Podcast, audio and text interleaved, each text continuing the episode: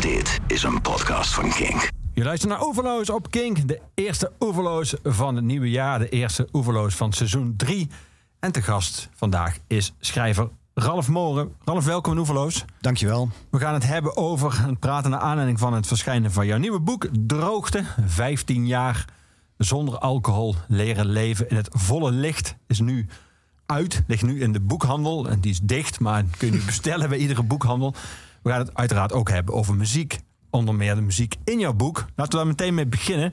Uh, The Libertines staan in jouw boek. Je beschrijft op een gegeven moment... Ik citeer even. We gingen naar een concert van de Libertines. De zanger van de band, Pete Doherty, recht de schandalen als een ketting aan één. Ik las ergens dat hij zelf zijn eigen verslavingsdeskundige heeft meegenomen op tour. Het mag niet baten. Een week geleden werd de zanger opgepakt in Parijs omdat hij probeerde cocaïne te kopen. Wat een waanzin, dacht ik meteen. Daar moet toch iemand even voor hem kunnen regelen. Ja, Hoe was het concert uiteindelijk? nou dat, dat concert was eh, een beetje zoals je verwachtte. Dat, ja, hij kwam op en hij, eh, hij sloeg met een, eh, met een knuppel sloeg hij alle tele, of, eh, microfoonstandaarden om. Wacht even, een knuppel. Hij had een knuppel bij zich. Ja, hij had een soort knuppel bij zich, alsof hij bij een honkbalclub zat. Ehm, maar ja, er ging gejuich op in de zaal van hij is er in ieder geval. En hij doet wat en we hij van doet verwachten. Ja, precies. En ehm, vervolgens duurde het uren voordat hij, eh, nou misschien echt wel twee uur voordat hij uiteindelijk op het podium kwam. Eh, hij pakte de bas van de bassist af en ging de eerste nummer bas spelen. Maar ja, later in het. Kan hij bas spelen? Ja, hij kan gitaar spelen, dus hij kan ook wel een beetje bassen, denk ik. Ehm, maar je zag die, die bassist, zag je kijken van wat gebeurt hier. En eh, ik ben er nu wel helemaal klaar mee. Want die heeft natuurlijk elke avond dat gedonder. En, ehm, maar uiteindelijk moet ik zeggen dat het toch een heel, zeer eh, mooie optreden was. Ja. Het leek alsof hij naarmate de show vorderde nuchterder werd. Ja. Ja. Ah, het, was, het was een hele, hele mooie avond, maar ik was wel blij dat hij er uiteindelijk was. Ik bedoel, ik heb ze ook wel eens in, eh, in de FNA gezien. Heeft hij het drie keer eerst niet komen opdagen. Solo was dat. Maar nu was hij er in ieder geval. En je ziet toch het enorme talent, maar ook iemand die zich weer helemaal te gronden richt.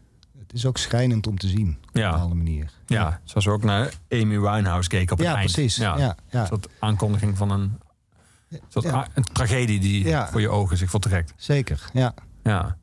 Nu, nu gaat jouw boek, eh, ik zei het al, leven, eh, le- leren leven in het volle licht gaat over jouw leven zonder alcohol, na een leven met alcohol. Mhm. Ehm, kijk je dan ook met, denk jij, iets meer begrip of mededogen, of juist misschien juist strenger naar zo'n Pete Doherty, omdat jij weet dat het wel kan, hoe moeilijk het ook is? Of hoe, hoe denk je dat dat jouw blik op hem beïnvloedt, dat jij zelf weet hoe het is om te kampen met verslaving? Ik denk wel dat mijn blik beïnvloedt. Maar ik vind het een moeilijke vraag om te zeggen van ja, eh, maakt het me strenger of milder? Misschien soms milder, misschien soms strenger. Ik denk dat ik het wel begrijp. Zoals ik het ook begrijp dat hij daar doorgaat en dat, dat, dat hij blijft in die, in die tredmolen, dat hij daarin blijft doorlopen. Ehm, en ik voel ook al mededogen. Omdat ik denk van ja, jongen, eh, Jongen toch? ja, ja, jongen toch, doe er iets aan. Eh, aan de andere kant weet ik ook al dat het niet zoveel zin heeft. Dat hij dat zelf... eh, nou ja, goed, hij is daarmee bezig blijkbaar. Anders heb je niet een eigen verslavingscoach bij je. Maar ehm, nee, ik heb niet, niet dat ik denk wat enorm stom. Alleen ik, ik besef dat het allemaal wat complexer in elkaar zit... dan, dan, dan je misschien op het eerste gezicht denkt. Ja. Ja. Heeft hij wel, als ik jou zo hoor, heeft hij wel geduldig publiek gekweekt. Ja. Als je eerst in de FNA drie keer voor niks komt Ja. opdagen. En als je, dit was volgens mij in Vredenburg, Ja. twee uur wacht nadat je al weet dat hij er is. Dan, dan heb je kennelijk al een soort van... Ja, in Vredenburg stonden heel veel Engelsen. Die schijnen, eh, ze schijnen in Engeland echt verschrikkelijk groot te zijn. Dus, daar, dus die, die, er zijn veel Engelsen die, waar die band ook speelt, die zijn daar gewoon op Ja. een of andere manier. Want die kunnen we dan heel klein zien. Dus die, kunnen al- hem dan in verhouding heel klein zien. die hadden al En- genoeg genomen met alleen maar Ja. die honkbalknuppel act. tegen de Precies, dus bij bijna wel. En je zag ook wel een soort uitgelatenheid onder die Engelsen met potten bier. En eh, nou ja, een soort feest toen die dan uiteindelijk wel eh, er was. Ehm, in Eindhoven vond ik het wat, eh, wat minder. Dan had ik een beetje het idee dat, dat mensen ook een beetje, nou ja, aapjes kwamen kijken. En dat, dat, dat vond, ik, vond ik wat minder eh, prettig eigenlijk. Ja. En daar was hij ook eh, heel geïrriteerd en hij ging weg en hij schold het publiek uit. En nou ja, want het publiek praatte door zijn show heen. Ja. ja, ja. Dat gebeurt trouwens in Nederland ook sowieso wel, eh, wel vaak, vind ik. Dat dat publiek heel luidruchtig is. En eh, aan de andere kant, je dwingt het misschien ook wel af om het, eh, om het stil te houden of niet. Ja. Ja. We gaan luisteren naar de Libertines, Ja. Pete Doherty. Ja, als een solowerk kunnen kiezen of als andere bands mee hebt gekozen voor, de Libertines met Don't Look Back Into the Sun. Ook een van hun meest populaire nummers. Mhm. Waarom deze? Ja, waarom deze? Omdat ik, eh, omdat ik dat, eh, die titel, eh, niet tegen de zon in kijken, dat, is wel, dat heeft ooit wel eens een, een psycholoog tegen me gezegd van ja, je moet ook af en toe eens gewoon de zon in durven kijken en, en het, het ja, slikken wat er aan de hand is, dus zeg maar. Dus, de, dus dat, je, dat je door de moeilijke fases heen gaat. En zo heb ik, dat, heb ik, heb ik die titel in ieder geval opge, opgevat. Nou ja, hij doet het dan volgens de titel niet. Ik denk dat ik het af en toe wel doe Ja. en gaan doen. Dus wat dat betreft vond ik het gewoon wel passen. En ik vind het een hartstikke prettig liedje. Prettig liedje. Ja, zeker. We gaan er luisteren. Don't Look Back Into the Sun van The Libertines.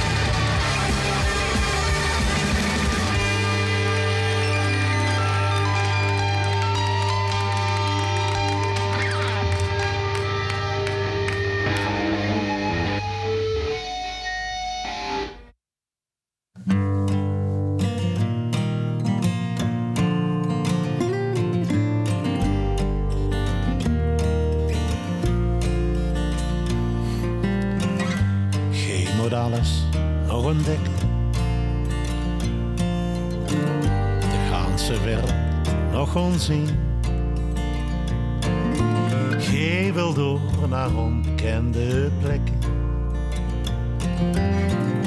Dan moet je door, gaat er maar in. Als zoekt, als het niet lukt, kom terug naar de achtertuin. Hier staat er nooit voor een dichte deur. Kom terug naar de achtertuin, waar er ook speelt, zon, wind. Laat maar weten, en ik ben er. Huur ik overtrouwd geluid. Kom terug, kom terug naar de achtertuin.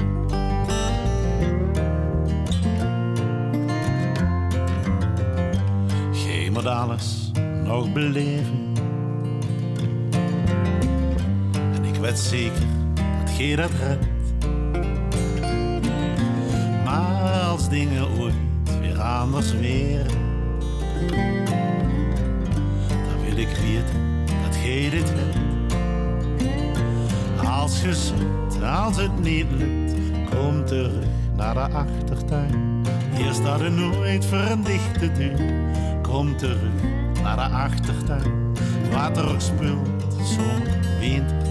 Laat maar weten en ik ben er. Huur ik overtrouwd geluid. Kom terug, kom terug.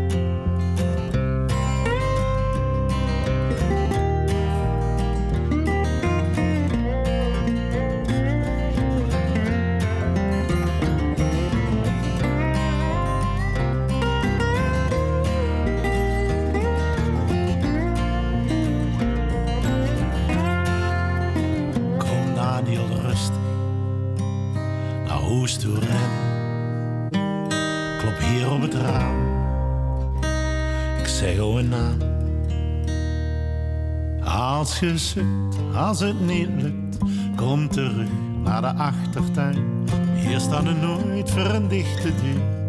Kom terug naar de achtertuin. Wat er ook speelt, zomer, winter, laat maar weten en ik ben er. Huur ik overtrouwd geluid. Kom terug, kom terug, oh kom terug. Kom terug naar de achtertuin. Ja, na de Libertines hoorde je Jacques Poels, bekend als de zanger van Owen Hezen. Maar oh, Jacques gaat gewoon door en terecht. Vorig jaar bracht hij dan eindelijk zijn eerste soloalbum uit. Het prachtige Blauwe Veer. En zijn nieuwe album komt er al aan. is al een single uit. En hij was de man over wie jouw eerste boek ging. Voordat je romancier klopt. werd, schreef jij over eh, Jacques Poels. Die toen een project had, ook naast Rowan Hezen, waar jij je op concentreerde. Ehm, ben jij al, was jij al vroeg liefhebber van zijn, van zijn werk, van Rowan Hezen? Ben je er vanaf het begin af aan bij geweest? Of- Niet helemaal vanaf het begin. Maar eh, ik kan me wel nog herinneren dat ik ehm, in Utrecht studeerde. En dat toen uh, Rones op Pinkpop was. Hè, wat ze zelf ook al zien als een grote Ja. doorbraak. In 92. Ja, in 92. En dat, ehm, dat, dat, dan had je zo'n uitzending op, op, op maandagmiddag. Tenminste, ik neem aan dat dat toen nog gewoon een maandag was. Ja. En eh, dat ik wel al, eh, ja, ik kende de liedjes inderdaad wel al. En dat ik ook een soort van trots voelde. Dat zij dus inderdaad eh, tot, tot aan de toren, zeg maar, het publiek plat speelden. Dus ik volgde ze toen wel al, ja. Maar ik ben eigenlijk opgegroeid ehm, met de Janse Baggenband. Dat is het eerste wat ik me herinner van... Want daar ging ik naar al die concerten toe in de buurt. Ja. Toen ik een jaar of 13, 14, 15 was. Toen Ja. begon dat een beetje. Die speelde in grote, eigenlijk zoals Hezen later, in grote feesttenten. Vooral in. Zuid-Limburg. Waar Ja. duizenden mensen. De term Ja. mosje bestond er volgens mij niet eens, maar dat werd wel gedaan. Ja, toen. zeker. Ja, Ja. ja. En ze hadden dat singeltje. En, eh, Solliciteren, Solliciteren, ja. ja. ja, Maar Rowanese vond ik wel eh, meteen al interessanter, zeg maar. Omdat dat, eh, ja... En ik ben ze altijd blijven volgen. Ja. En, En jouw boek ging over Herberg de Troost. Dat was een, Ja. een project wat Jacques Poels en Tren naast Rowan Hezen hadden. Eigenlijk zou je dat kunnen zien oh, met terugwerkende kracht. Als een soort voorloper voor wat hij nu solo doet. Namelijk iets ingetogener, meer Ja. een song- singer-songwriter. Zeker. Hij, hij zag dat Herberg de Troost volgens mij toen ook als een soort eh, eh, afstappen van de snelweg die Rowanese is. Zo, zo be- benoemde hij dat toen. Het enige, eh, en, en gedichten waren het uitgangspunt voor dat, voor dat Herberg de Troost. Gedichten die hij in de Limburger schreef. Ehm, maar het was wel in het Nederlands. En, en zijn solowerk is natuurlijk in het Limburgs. Dat is toch al een verschil. Ja. Ja, maar ik denk wel dat het eh, qua, qua ja, voor hemzelf ook eh, wel vergelijkbaar is. Als een, als een, als een prettig uitstapje. Ja. Ja. ja. Was jij blij? Want er- heel veel mensen wachten daar al jaren op dat Jacques een keer solo iets ging doen. Was, was eh, die blauwe veer, CD en die tour, was dat ook, ongeveer ook waar je op, op gehoopt had al die jaren? Ja, ja, ik vond het wel echt. eh, ehm, ja, het is misschien raar om te zeggen, maar ik gunde het hem ook wel heel erg. Want hij was daar wel echt mee bezig in zijn hoofd. En ik denk dat het voor hem een hele tijd duurde voordat hij die stap uiteindelijk ja, kon zetten, of wilde zetten, of durfde zetten. En dat heeft hij wel met volle overtuiging gedaan. En eh, ik hoorde dan wel eens wat over de liedjes die hij dan al zei. Ja, ik heb ze al op mijn telefoon staan, en et cetera. En, ehm, maar het, ik vind het echt eh, heel goed gelukt. Ja, ja prachtige Ja. plaat. En natuurlijk ook eh, Jan Hendricks erbij en Ja, Bart-Jan ja, Baarmans. ook al een Ja. goede Werk denk ik prima. Ja. Ja.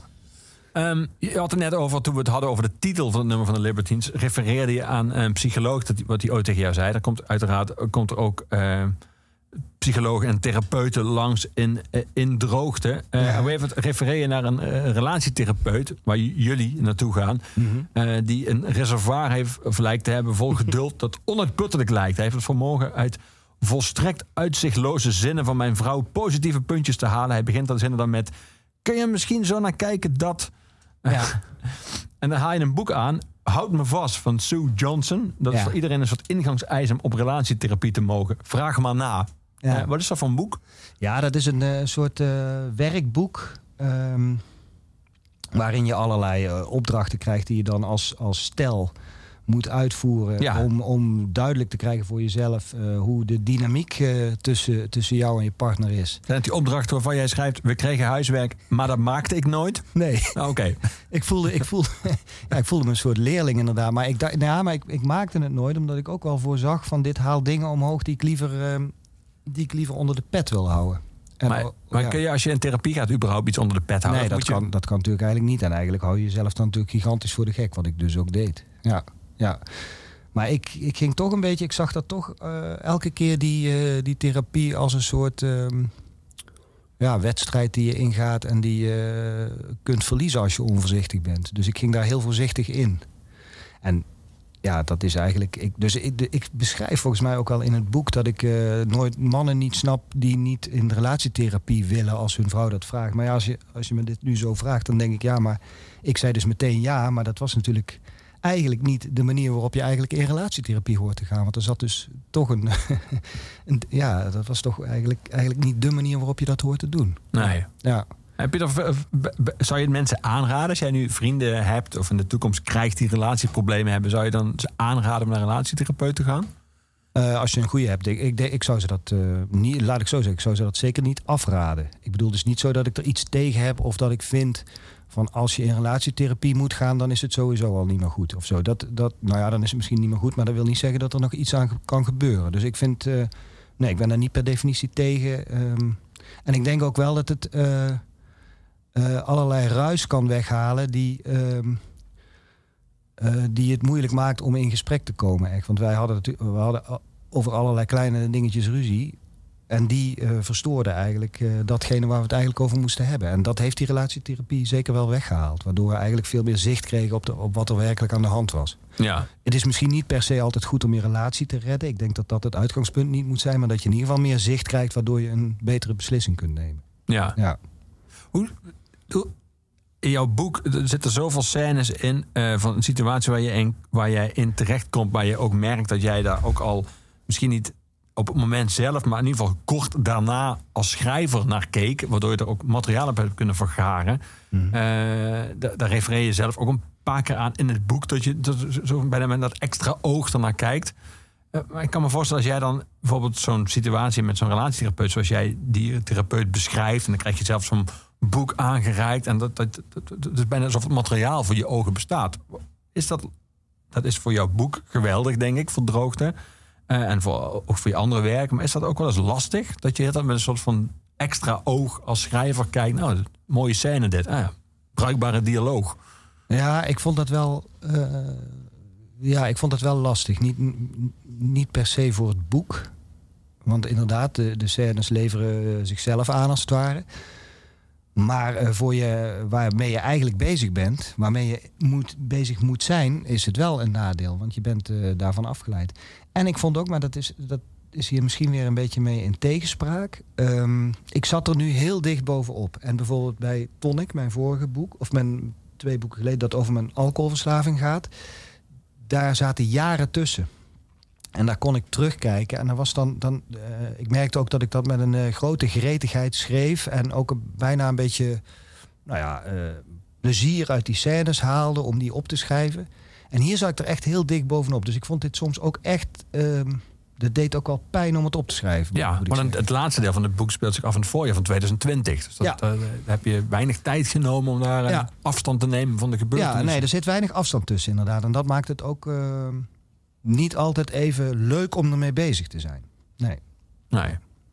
We gaan naar muziek luisteren. We gaan naar muziek luisteren uit Eindhoven, eh, de stad waar jij eh, tegenwoordig woont. eh, waarover je eh, het volgende schrijft, want je komt oorspronkelijk uit Geleen en je hebt in Utrecht eh, eh, gestudeerd. Ik vind het fijn als een stad een beetje heeft moeten vechten om wat te worden. Toen ik in Utrecht ging studeren, wilde niemand in Eindhoven wonen. Het was nog erger dan Geleen. Utrecht, zeg ik als inwoner, en als jij oorspronkelijk van Geleen. Utrecht was altijd al het mooiste meisje van de klas. Maar het mooiste meisje van de klas heeft ook vervelende trekjes. Net liep ik door de Twijnstraat. Toen ik hier studeerde was het een doodnormale slaag, straat met een slager en een bakker. Nu ligt daar bierboutique De Bierverteller. Ehm, zou bierboutique De Bierverteller inmiddels ook in Eindhoven kunnen liggen? Eh, ik hoop het niet. Maar eh, ik sluit het niet uit, moet ik eerlijk zeggen. Dus, eh, maar ik vind wel dat Eindhoven ehm, wel echt nog wel rauwe kantjes heeft.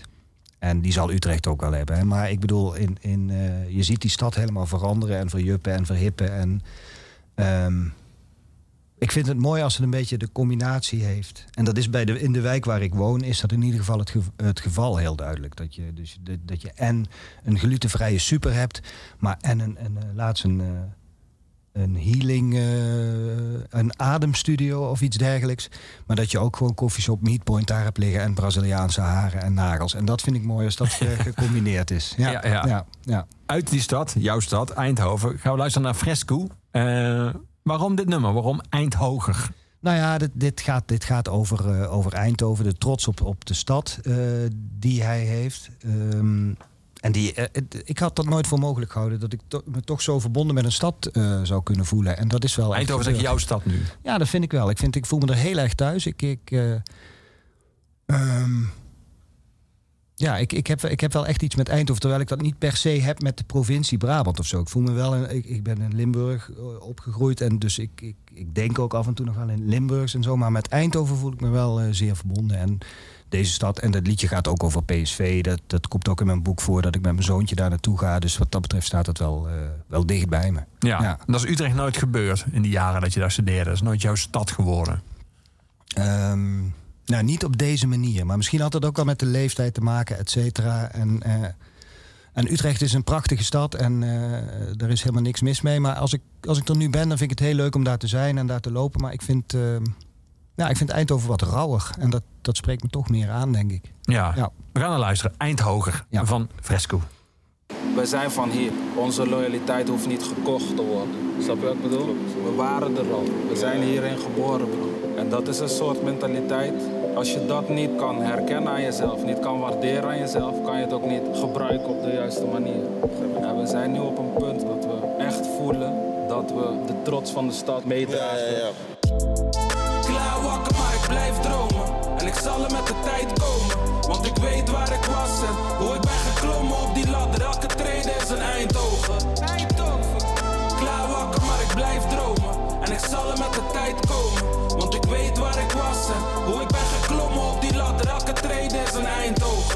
Ik kom van waar we winnen, maar we het niet van de daken schreeuwen. Liever niet ego trippen, want we willen waardig winnen. Waar beginnen? Ik kom uit loyale kringen. Klein van buiten, kolossaal van binnen.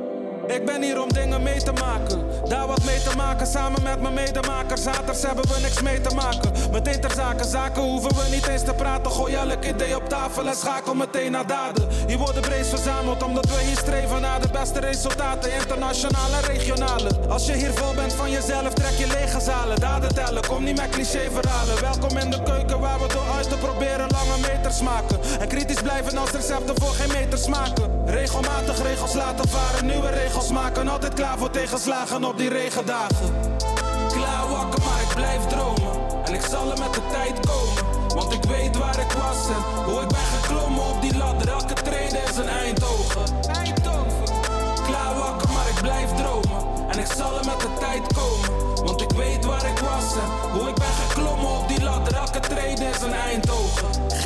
We zijn tegenspoed. Marathonmentaliteit, ja en voor en tegenspoed. We kunnen het, we weten hoe. Eendracht, reken op elkaar, focus trainen, wees paraat. Elke speler heeft een taak en een streven, broer. En als we diep van binnen weten dat het beter moet, ga toch door totdat je niet meer kan. Ik ben een beetje moe. Ik krijg een mega boost als ik zie dat er iemand uit mijn kring iets positiefs met zijn leven doet. Tuurlijk gaan de eerste stappen die je neemt als stroef. Maar speel je kaarten goed, weet welke kaart je neemt als stroef. Stop er je hart in, zet je doelen boven de verwachting. Zodat je ver boven de lat springt. Geen gevoelens die ik in een zin niet kan uiten. Ging het om inhoud, was ik raps Willy van der Kuilen. 308 doelen, zoveel nog te doen, we gaan hard broeder. Hoe kan je geen liefde voor mijn stad voelen?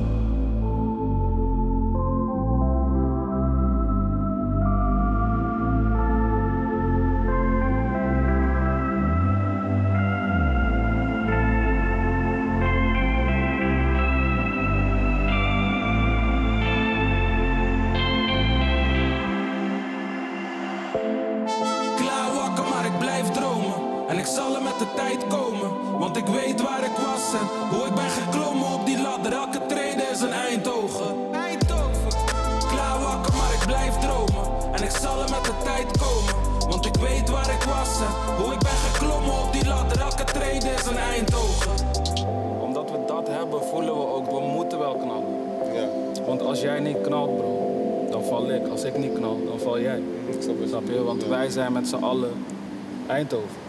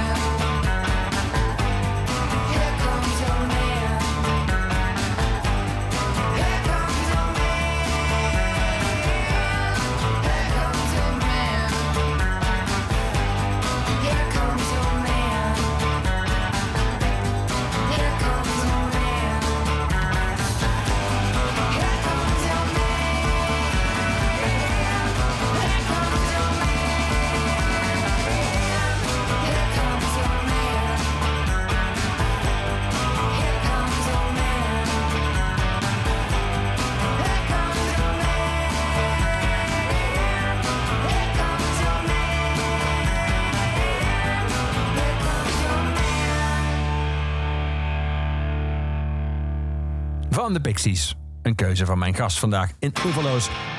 En ze kan gewoon verder. Ralf Moren. Ehm, waarom deze van de Pixies? Nou ja, de Pixies sowieso is dat, eh, dat is voor mij echt jaren 90 eh, Utrecht. Dus daar, daar denk ik Oh, Dit dan was jouw studententijd. Dit was mijn ex mijn studententijd en daar moest ik een, eh, of daar vond ik dat ik een liedje uit moest kiezen. En dit vind ik gewoon echt een he- heerlijk nummer om eh, ook op de uh, hart te lopen en eh et cetera. Dus als ik aan de Pixies denk, denk ik wel altijd aan dit nummer. En, en de Pixies is voor mij de jaren 90 samen met de Lemonheads, weet je wel. Ja. Dat had ik ook kunnen kiezen. Eh, wat dat betreft is zo'n lijstje maken hartstikke moeilijk. En, eh, maar deze vond ik heel mooi passen. Ja. Is het ook jaren 90 in de zin van, daar, daar was het ook klaar tussen jou en de Pixies? Of, of als zij nu komen spelen, dan wil je nog steeds een kaartje halen, of niet?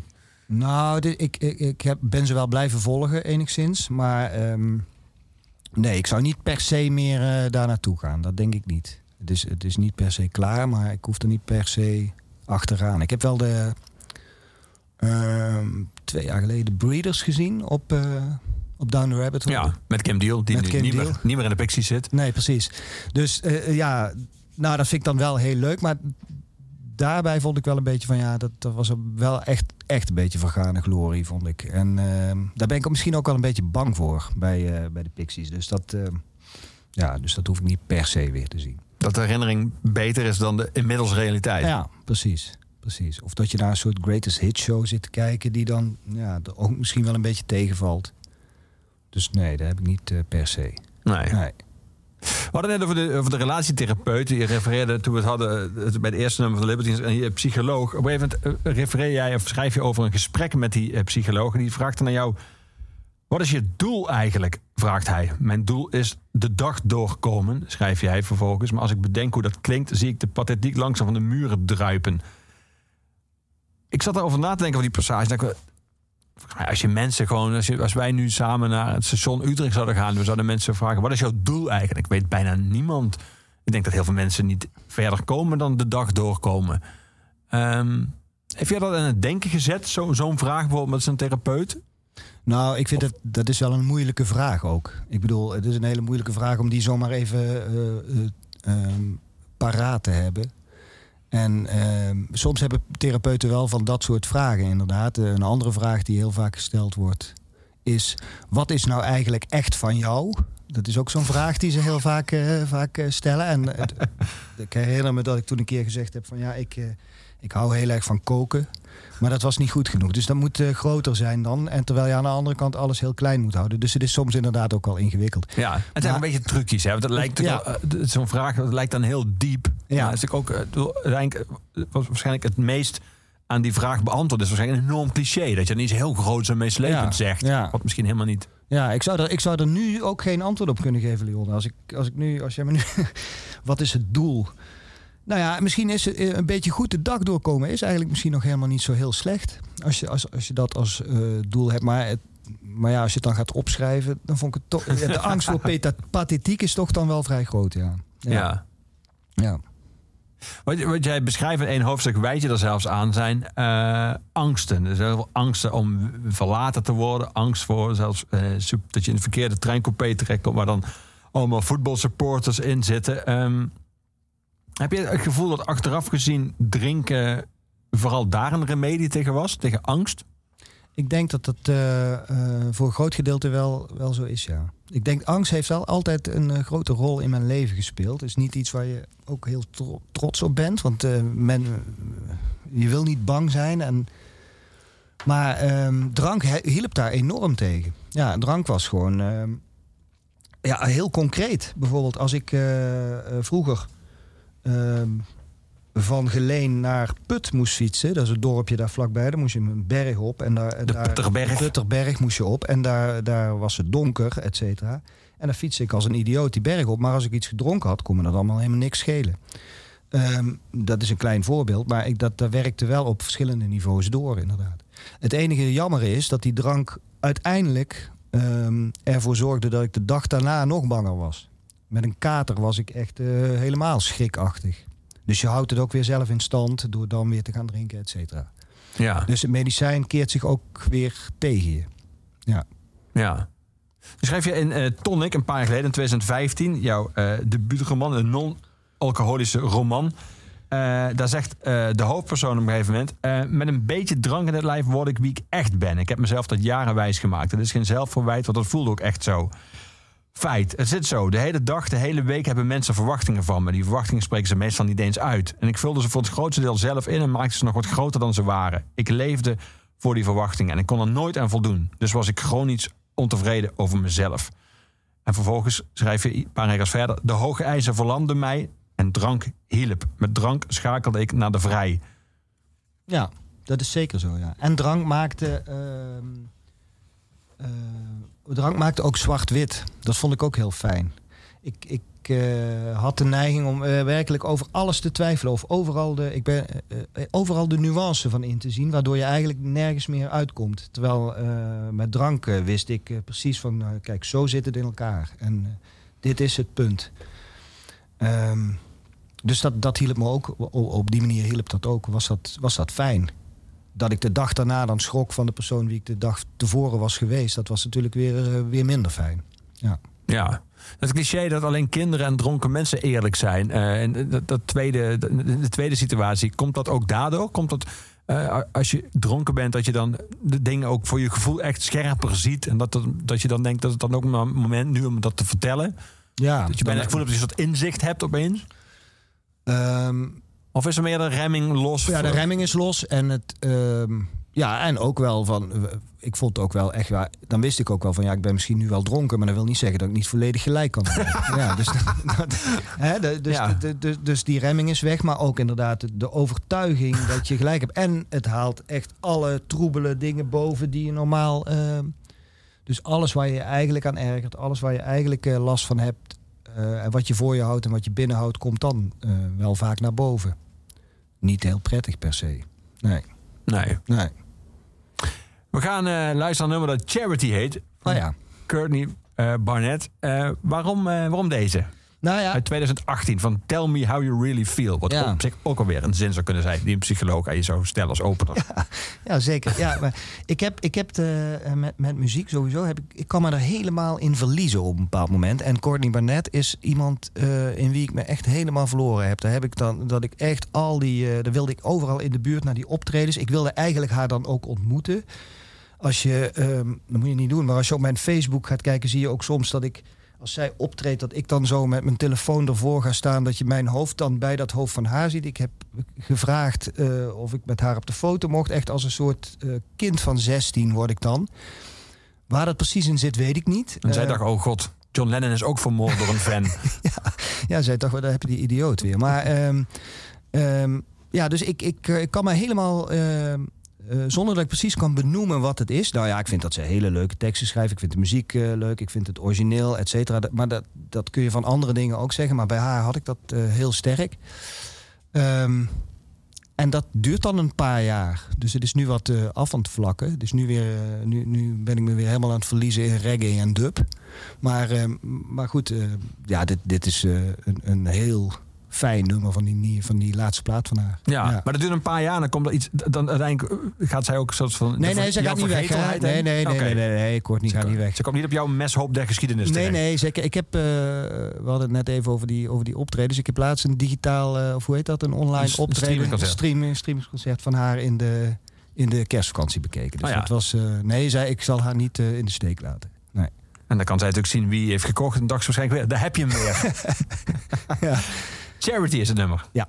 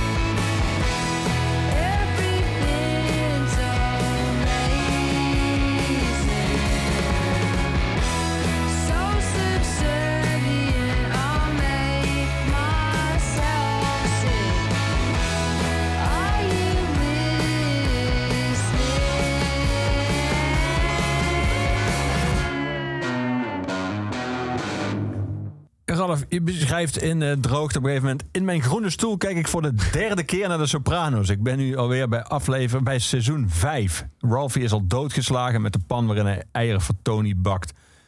En de neef van Tony is net terug uit de bak en probeert een normaal leven te leiden. Dat lukt een paar afleveringen. Uh, je beschreef net in jouw concertbeleving dat er toch enige soort van uh, mateloosheid in zit. Uh, hoe je zeg maar, in iemand kan vastbijten in de muziek. Maar dat komt natuurlijk in jouw boek. Komt dat, Sopranos is denk ik wel even de drie beste series ooit gemaakt. Maar mm -hmm. dat drie keer naar kijken is niet iedereen gegeven, denk ik. Um, je schrijft op even ook dat als jij uh, Thais gaat eten, dat jij dan de Crying Tiger bestelt. Dat is het gerecht met vijf pepertjes. Ja. Iedereen die wel eens naar een Thais restaurant gaat, weet dat je boven de drie pepertjes kun je gewoon beter niet meer bestellen als westerling. Uh, maar dat doe jij wel. En dan moet er een bakje yoghurt worden gehaald om, om, om, uh, om, het te dempen. Uh, maar als jij zeg maar, al het zelfonderzoek dat jij de afgelopen jaren hebt gedaan en dat geleid heeft tot het leven dat je nu leidt, is daar mateloosheid in zijn algemeenheid een belangrijke verklarende factor gebleken?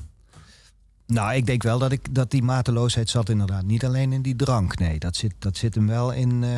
Ik kan me wel de, in dingen verliezen. En dat is dus in die film en...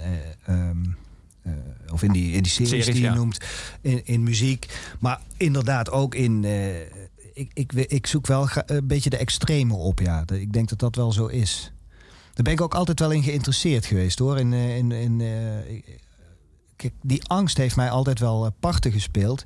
Maar eigenlijk ben ik heel erg geïnteresseerd geweest altijd in de, in de rand van de samenleving. Dat fascineert me ook enorm. Dat zijn ook Waar heel veel mensen juist bang voor zijn, ja, voor die kant van de samenleving. Ja, en daar, kon ik, daar ben ik natuurlijk eigenlijk ook bang voor. Maar dat fascineert me wel enorm. Dus, dus uh, uh, juist ook met drank op zocht ik eigenlijk het gevaar, zou je kunnen zeggen, zocht ik juist op. Um, en dat is natuurlijk nu wel moeilijker, want dat zal ik nu niet meer, niet meer doen. Daar is op, op zich niet, niet zoveel mis mee, maar het, het, fascineert me wel. Uh, en wat mij heel erg fascineert zijn werelden die altijd uh, gesloten zijn. Um, dat was ook vroeger al mijn fascinatie met muziek en met, met, met, met toneel. Bijvoorbeeld, ik, het stomste toneelstuk in het dorp, bij wijze van spreken, dan vroeg ik mij af, wat zit achter dat, achter dat podium? Hè? Daar gaan mensen komen op en die, komen af, en die, die gaan af.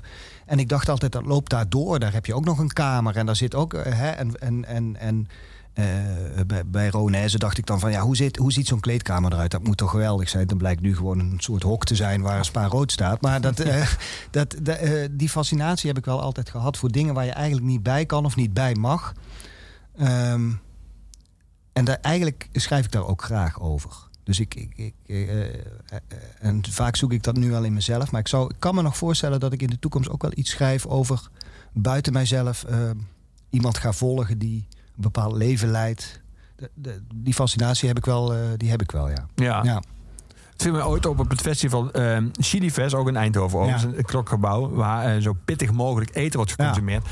Dat is heel populair onder mensen die ooit verslaving hebben gehad. Ja, dat heb ik ook wel eens gehoord. Ja, ja, waarschijnlijk stel ik me dan zo voor, omdat de kick die je niet meer uh, ervaart van uh, welk middel dan ook waar je mee gestopt bent, die zit dan in ieder geval nog een soort van in fysieke zin in, in, in het feit dat je in brand staat ja. als je iets eet. Ja, ja, ja nee, ik heb dat wel vaker gehoord. Ja, van iemand die zei ook als ja, jullie alcoholisten de, willen altijd zo scherp mogelijk eten. Ja, misschien is het zo. Ja, ja. Ja, die term gebruik je zelf ook, hè, alcoholist. Je zegt een alcoholist, ik ben een alcoholist, een niet-drinkende, maar toch. Mm -hmm. um, is dat een term die je voor de rest van je leven op jezelf moet blijven betrekken? Of mag je even ook gewoon zeggen dat je een ex-alcoholist bent? Of is dat een denkfout? Um, ja, volgens de uh, verslavingsepiek is dat een uh, denkfout. En uh, zo zie ik dat ook wel, hoewel ik daar niet zo streng... Ik ben niet zo streng in de leer daarin. Maar ik denk wel, laat ik voor mezelf spreken. Ik weet niet hoe het voor anderen is. Ik zal nooit meer normaal kunnen drinken. Dus wat dat betreft ben ik een alcoholist. Ik, ik, voor mij zal dat middel is, is levensgevaarlijk en dat moet ik dus niet doen. En het is niet zo dat ik nu na straks 15 jaar... 1 mei is dat... dat ik dan kan denken, nou wat, wat, soms in, in, in Brabant en Limburg wel eens gezegd... nou, dan kan het toch wel weer. Hè? Nee, het kan dus niet meer. Daar ben ik wel van overtuigd. Dat, dat heb ik ook wel meegekregen van de hulp die, die ik heb gezocht. En daar geloof ik ook wel helemaal. Juist omdat dat mateloze wel in me zit. Ik vind ook... twee glazen wijn is onzin, eigenlijk. Ik bedoel, wat, ja, dan zou je het puur en alleen voor de smaak moeten doen. Maar dan hoef je dat effect eigenlijk alweer niet te hebben. Dus, dus voor mij eh, gaat dat niet werken, nee. Nee. Nee, Nee. nee.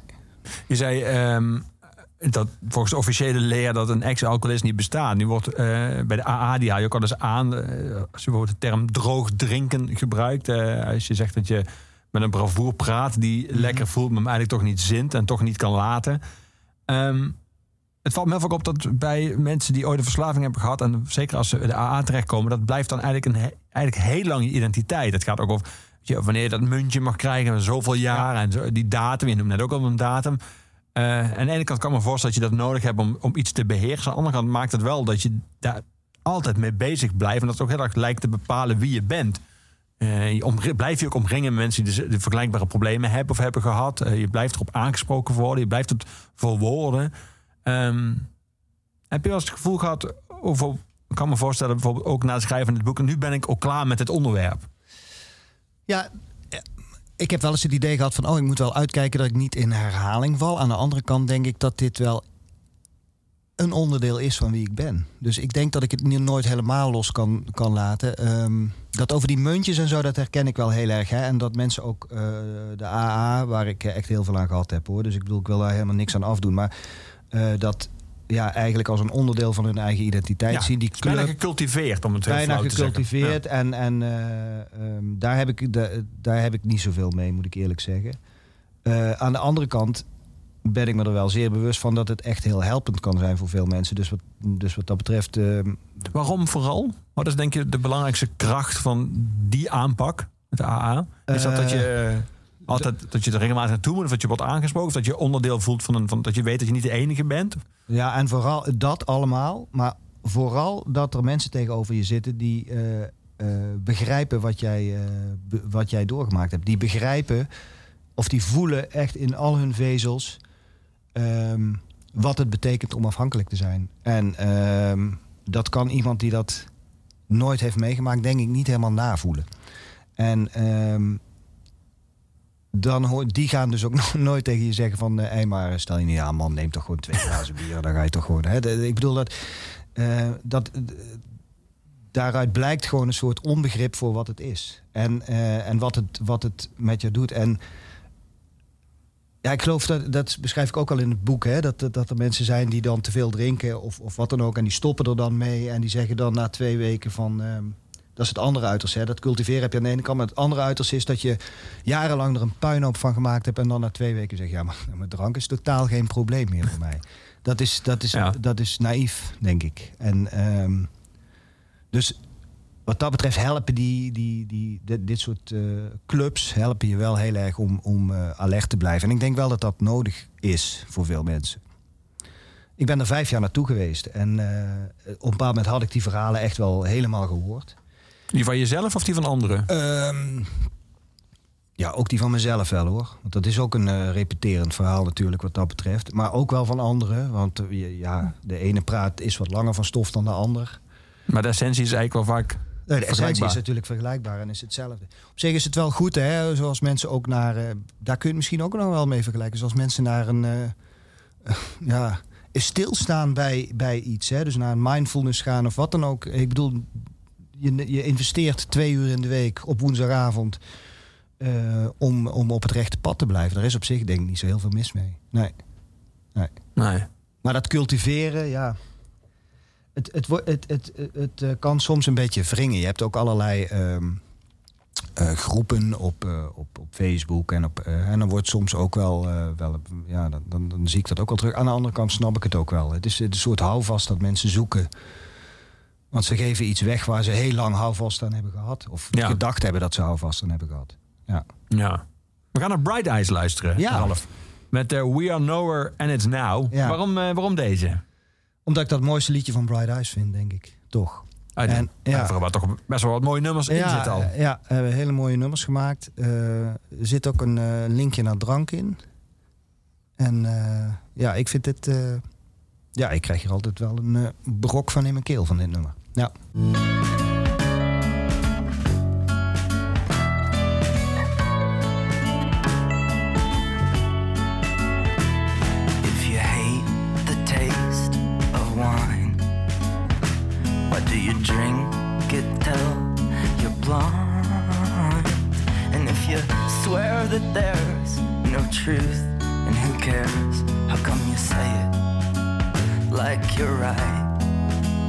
Why are you scared to dream of God when it's salvation that you want? You see, stars that clear have been dead for years, but the idea just lives on in our wheels that roll around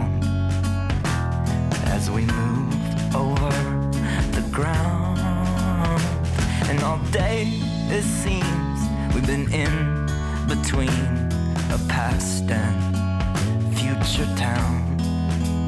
We are nowhere, and it's now. We are nowhere, and it's now.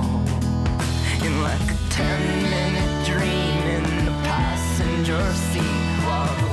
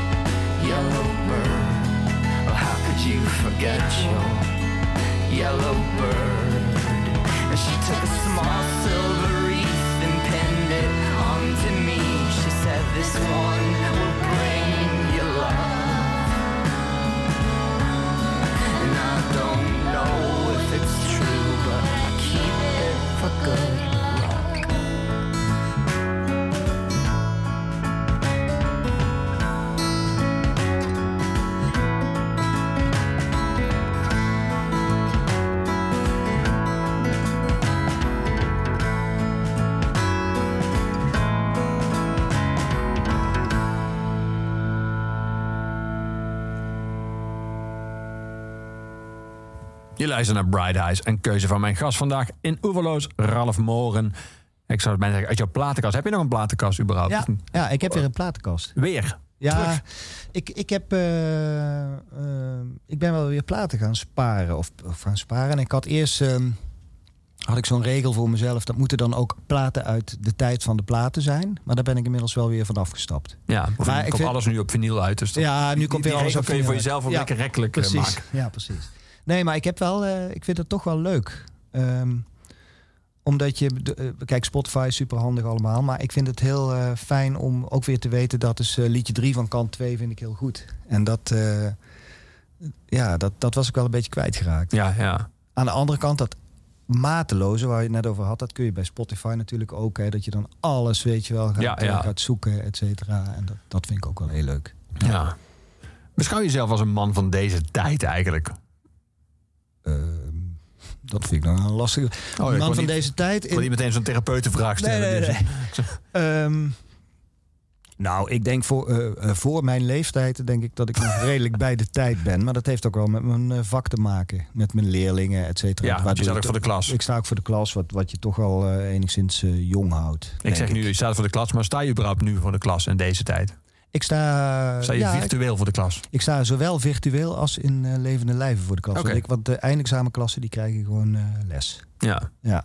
En is het virtueel voor de klas staan eh, te doen? Want we lezen heel vaak dat het voor leerlingen niet te doen is, maar is het voor leraren te doen? Nou, ehm, ehm, er is een, een, een eh, film uit hè, van eh, Frank Lammers. Die heeft zo'n film eh, Groeten van Gerry of zo gemaakt. Dat gaat over een docent die dan voor de, voor de camera zit... en dan in zijn onderbroek voor de camera zit... en dat het dan helemaal misgaat. Ehm, nou, ik vind het wel te doen... Maar en, nou ja, als je me vraagt van ben je van deze tijd... en eh, ik ben daar dus wel niet handig in. Hè. Dus ik zit de hele tijd met dingen te delen en dan lukt dat niet. En, eh, dus dat is wel, eh, dat vind ik wel vervelend. En ik vind het ook al moeilijk omdat je dan eigenlijk geen contact hebt. Nu is het zo dat de leerlingen in ieder geval hun camera aan moeten zetten. Maar dat was eerst, bij de eerste lockdown was dat ook niet. Dus dan praat je maar een beetje tegen een scherm. Die leerlingen zaten natuurlijk ondertussen gewoon wat anders te doen, denk ik. Ehm, ja, ik vind dat niet zo leuk. En... ehm, in, in de klas is het nu ook veel, minder leuk, want we moeten eigenlijk achter een scherm blijven. Dus datgene wat ik zo leuk vind aan het onderwijs, het contact maken met die, met die leerling, dat is gewoon nu wel veel, eh, eh, veel verminderd. En mm, ja, dan maakt het allemaal wel minder, eh, minder spannend en minder leuk. Ja. Ja. Zijn jouw leerlingen into literatuur? Ehm, nee, dat kan ik niet in algemene zin zo zeggen dat ze into literatuur zijn. Ik denk niet dat, eh, dat ik dan de waarheid zou spreken. Maar er zijn er wel altijd een paar die dan toch, die je toch weet te raken met een bepaald boek of wat dan ook. En die dan toch iets gelezen hebben en dat ze dan toch. Oh ja, dat viel eigenlijk wel mee. Of eh, hè, zo begint het. En zo, zo, eh, kijk, dus ook wel hoe een puber dat misschien wel vaak zegt. Ehm, en soms weet je ze wel te raken. Dus dat, dat vind ik dan toch wel heel leuk. En een boek kan ook een begin zijn om, ergens, om het ergens over te hebben. Hè, ik bedoel, eh voorbeeld ehm, hersenschimmen. Bijvoorbeeld het boek van, eh, van Bernhard, Bernhard ja. over, over dementie. Dat leerlingen dat, en dat is nu niet eens een heel makkelijk boek of zo, dat leerlingen dan toch daardoor geraakt zijn, omdat ze dat ook herkennen van een, van een opa of oma of wat dan ook. Dat vind ik, eh, dat, dat kan wel zeer waardevol zijn en leuk. Ja. Je schrijft in je boek in, eh, in Droogte dat je ben je heel kritisch over. Ja, je bent überhaupt kritisch over jezelf. Maar ehm, schrijf weer even te lessen op eh, school liep ik gewoon door. Dat ging best goed. Al geloof ik nog steeds niet echt dat ik een goede leraar ben. Daarvoor relativeer ik mijn rol te veel. Je moet natuurlijk wel een beetje in geloven. Wat me wel lukt is een goede band met mijn leerlingen opbouwen. En vervolgens heb je het over de vader die je wil zijn. En of je daar wel aan voldoet. Eh, en dat je schrijf schrijf je dat dat eigenlijk steeds beter lukt. Je lijkt allemaal een soort van normen voor jezelf gesteld te hebben waar je aan moet voldoen. Als, als man, als eh, vader, als leraar. Ja, ja dat, ik denk dat dat wel klopt. Ja. Dat ik dat wel doe, onbewust misschien. En waar zijn die normen op gestoeld dan? Ja, op toch een soort ideaal beeld dat ik blijkbaar in mijn hoofd eh, eh, gemaakt heb. Ehm, ik heb wel, denk ik, een redelijk beeld van hoe ik functioneer. Van, ik, ik, ik kijk wel redelijk kritisch naar mezelf. Ehm, maar of dat beeld helemaal klopt, ja, dat weet ik, dat weet, dat weet ik ook niet precies. Maar ik, ik, ik denk ook dat het een manier is om mezelf aan de gang te houden. Want als ik dat niet doe, hè, dan, ehm, dan ben ik bang dat er, dat er weinig meer gebeurt. Hè, eh, ook zo'n zo'n boek schrijven, daar moet je toch ook voor gaan zitten. Weet je wel, als ik dan maar denk van ja, nou goed, eh, kan nu ook Netflixen, wat dan ook.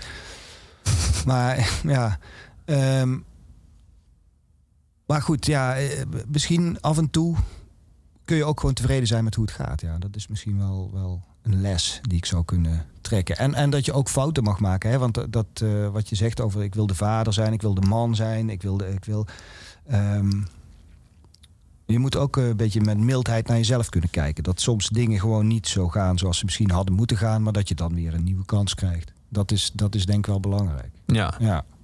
ja. Ik vroeg dat net of je een man van deze tijd bent. Op een gegeven moment heb je een ontmoeting met een, een vrouw in, in eh, Eindhoven op strijp S. En dan ben je ook zo van, ja, is het nou in strijp S of op strijp S? En dan bestelt zij een cappuccino met havermelk. En dan schrijf je, ik hoor het, verder niks. Dus het is een soort van, nou ja, redelijk judgmental. Je hebt volgens mij wel een bepaald beeld bij iemand die een cappuccino met havermelk bestelt. En, en dan, dan schrijf je de ober. Of hoe je dat noemt in zo'n zaak. Eh, en vervolgens zeg je Ja. dat ze elke dag yogaat. En de vorige keer eh, bestelde ze gemberthee. En ja. dat klinkt wel een beetje een man die niet alleen eh, zeg maar, zelf wat oordelen heeft, wat volgens mij bij de AA juist niet mag, maar Nee. eh, die ook wel soort van af en toe in deze wereld rondloopt van, meen god, wat een, wat een gedoe. Ja, maar hier was volgens mij... eh, Havelmelk. Ja, ja oké, havermelk, ja. Maar hier was volgens mij... De, de, waarom ik dat zo opschreef, was dat ik op dat moment een beetje in de war raakte van die vrouw. Ja. En dat ik dacht van, ja, kijk, havermelk kan me helemaal niks schelen. Al yoga je veertien keer. Maar ik ben gewoon nu helemaal in de war op dit moment. Ja. En, ehm, en die oordelen, ook over gemberthee, et cetera, die zijn ook vaak wel, wel heel gemakkelijk hè, voor jezelf. Om je, om, je daar, om je daar lekker tegen aan te schurken van kijk mij eens eh, dubbele espresso's eh, naar binnen slaan. Hè, weet je wel. Eh, dus, dus dat, ehm, ja, waarom ik dat doe, weet ik ook niet. Ehm, maar dat, da- daar betrap ik me inderdaad wel eens op. Maar Ja, bij, ja, deze, bij, bij deze vrouw was dat dus, of bij deze vrouw was dat dus juist helemaal geen probleem. Nee. Dat wilde ik daarmee benadrukken. Ja. Hè? En, en, en dat, dat ik niet weet of het op of instrijpes is van ja, ik ben de weg volledig kwijt. Even hoe dat heel snel ineens kan gebeuren. Blijkbaar. Ja. Als mens. Man. Past echt perfect bij eh, het volgende nummer dat ik al ga draaien. I'm Alone in the Wilderness van Ja. Culture. Waarom, Ja. waarom deze, eh, Ralf? Ja, nou ja, zo voel ik me af en toe wel een beetje. Hè? Dat je eh, eh, helemaal, eh, de, ja, dat je de, eh, toch een soort eenling in, eh, in, eh, in een soort moeras waarin je, waarin je je bevindt. En nou ja, waarom deze ook? Ik, eh, wat we net over Corny Barnett Ja, zeiden. toen zei ik- daarna eh, dook je de reggae in. ja, ik, ik heb al eens eerder een eh, reggae-periode gehad, een paar jaar geleden. En de- die is weer helemaal terug. En, ook En is dat dan ook dezelfde? Is dan zeg maar de muziek van toen heb je die herontdekt? Of ben je inmiddels ook zeg maar een Ja, ander nou- deel van reggae? Ja, een ander deel van reggae. Ik ben nu ook helemaal in die dub gedoken. En dan ga ik daar ook dingen over lezen. En dan ga ik eh, bij eh, kennissen die daar veel van weten, ga ik dan dingen vragen. En dan ga ik op Discogs ga ik kijken welke eh, platen je moet hebben, weet je wel. En dan volg ik groepen op Facebook. Dus ja, dan moet ik uitkijken dat ik me daar niet helemaal in verlies. Volgens mij is het al gebeurd. Ja, dat is al een beetje gebeurd. En dat culture, dat is echt wel, eh, dat is, ja, dat is een iconische band. Dus dat is wel, eh, wel eh, ja. dat- en dit nummer, dat vind ik, ik, ik vind dat heel erg mooi. Ja. I'm Alone in the Wilderness.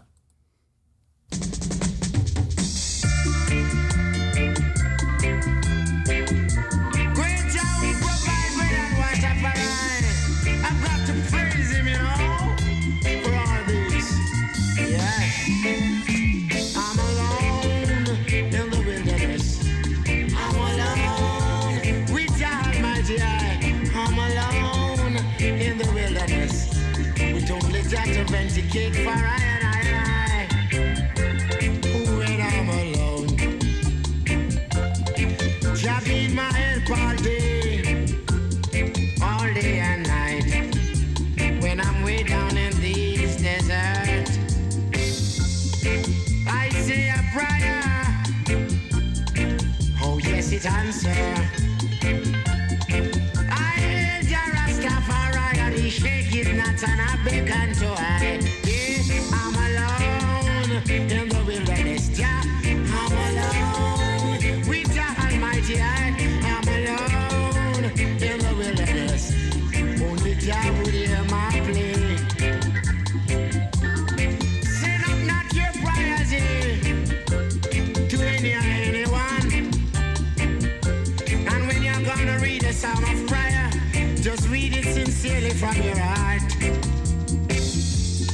wicked must fall. Yeah. When they hear this sound, even to the great poor Paul, one and all, they've got to bow down and not defeat. Yeah, I'm alone in the wilderness. I'm alone with joy. I'm alone in the wilderness. I prepare to take my medicine. Why?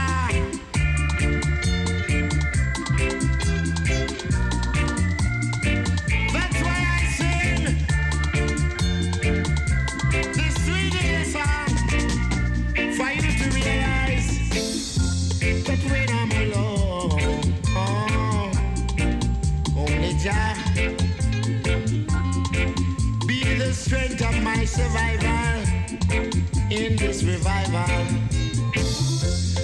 I ask myself, how can I get over? But I stretch and say, Come up in my palm, only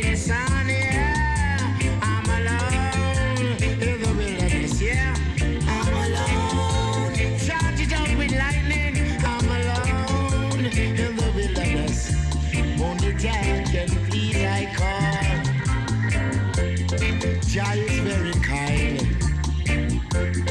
to every mankind. So don't you give your prayers to another way and serve a God whom I know not. Praise the rightful King and sing a little song. Play on his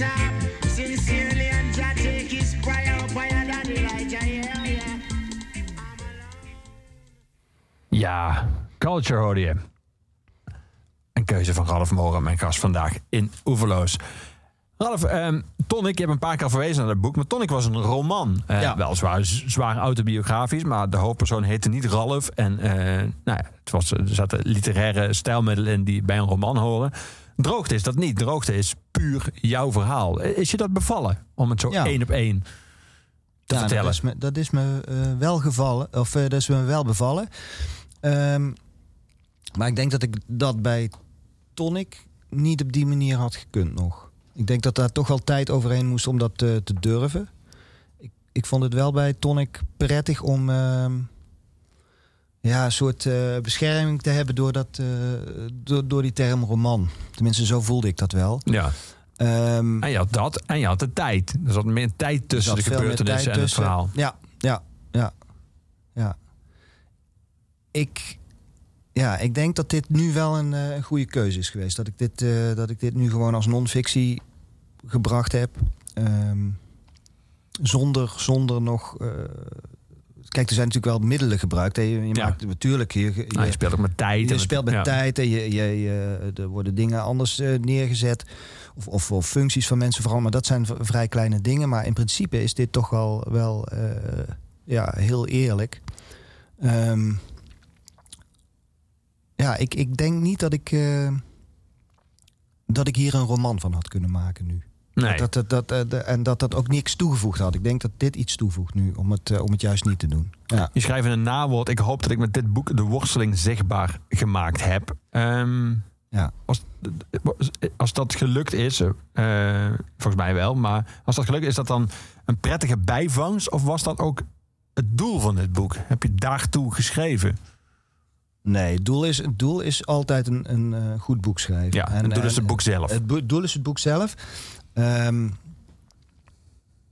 Maar daar moet iets onder liggen. En, die, en wat da- dat onderliggende is die worsteling. En, en, en, eh, en, en om te proberen om dat zo goed mogelijk eh, op papier te krijgen. En ook, ja, wat ook volgens mij waar dit boek ook alweer van door, doordrenkt is, is. ehm, waarheden veranderen constant. Je waarheid die je hebt op, een- op een bepaald moment is een ander moment weer een andere waarheid. Eh, ehm, ehm, je gezichtspunt verandert. Dingen die eh, op het ene moment heel duidelijk lijken, zijn op het andere moment toch weer niet zo duidelijk. En, en daar heb ik denk ik wel ook eh, mee gespeeld. En, en, en ehm, ja, ik denk dat dat wel, wel naar voren komt hierin. Ja, ja. Ik schrijf het even te beschrijven in scène. eh bij je psycholoog, maar dat gaat niet over dat je met hem eh, praat. Maar meer over dat hij jou ooit heeft gevraagd of je een praatje wilde houden bij de Rotary, waar hij lid van was. Ik heb één keer gesproken bij een Rotary Club. Ze vonden het allemaal machtig interessant, dat alcoholisme van mij. En goed ook, dat ik er nu vanaf was. Maar niemand kocht een boek. Ik had notabene twintig boeken meegenomen die ik via de uitgeverij had besteld. Ontzettend een pijnlijk lullige scène dit.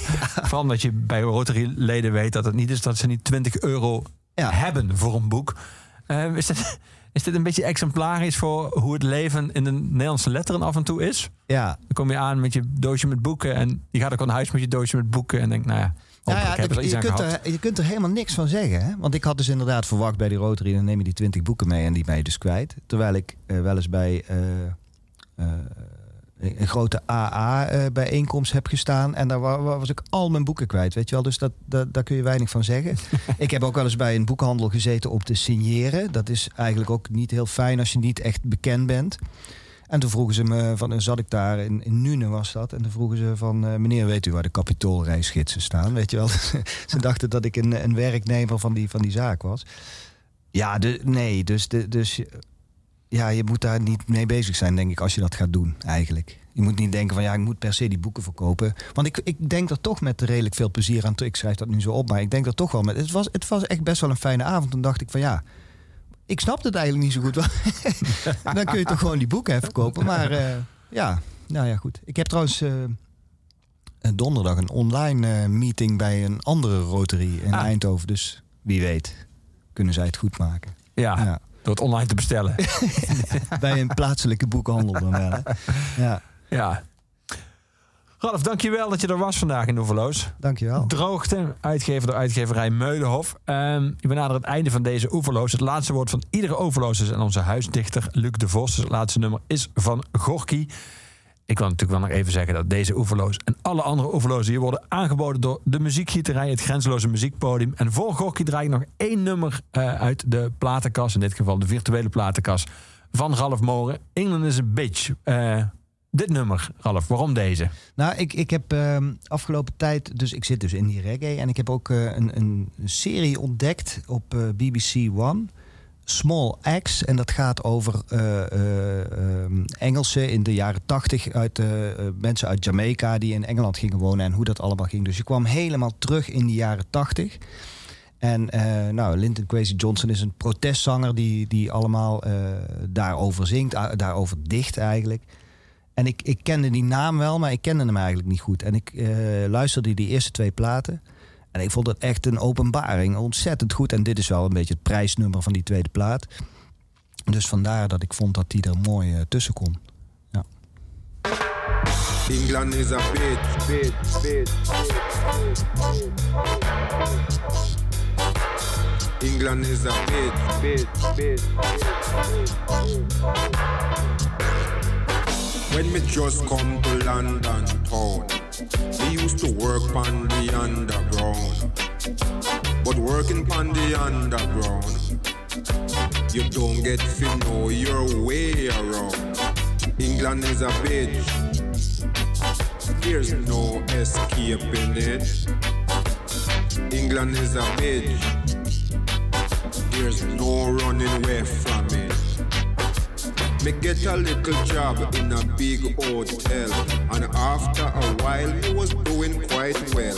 Them start me off as a dishwasher, but when me take a stock, me not turn clock watcher. England is a bitch. There's no escaping it.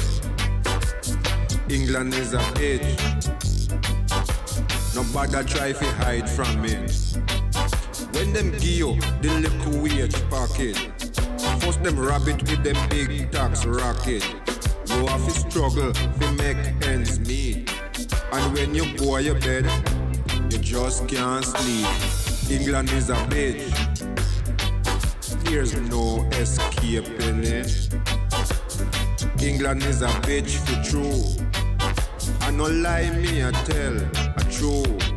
Me used to work big bitch when it full no bitch. Me did strong like a mule, but why me did fool?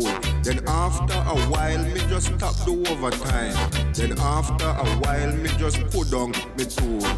England is a bitch, a bitch, a bitch, a bitch. There's no escaping it. England is a bitch, a bitch, a bitch, a bitch. You to know how to survive in it. Well, me do day work and me do night work. Me do clean work and me do dirty work. Them say that black man is very lazy. But if you see how me work, you would have said me crazy. England is a bitch. There's no escaping it. England is a bitch. You better face up to it. Them have a little factory up in a Brockley. In a this your factory, all them do is pack cracker. For the last 15 years, them get me labor. Now after 15 years, fall out of favor. England is a bitch. There's no escaping it. England is a bitch. There's no running away from it. Me know said them have work, work in abundance. Yet still, them make me redundant. Now at 55, me getting quite old. Yet still, them send me figure draw door. England is a bitch. There's no escaping it. England is a bitch for true. Is where we are got do about it.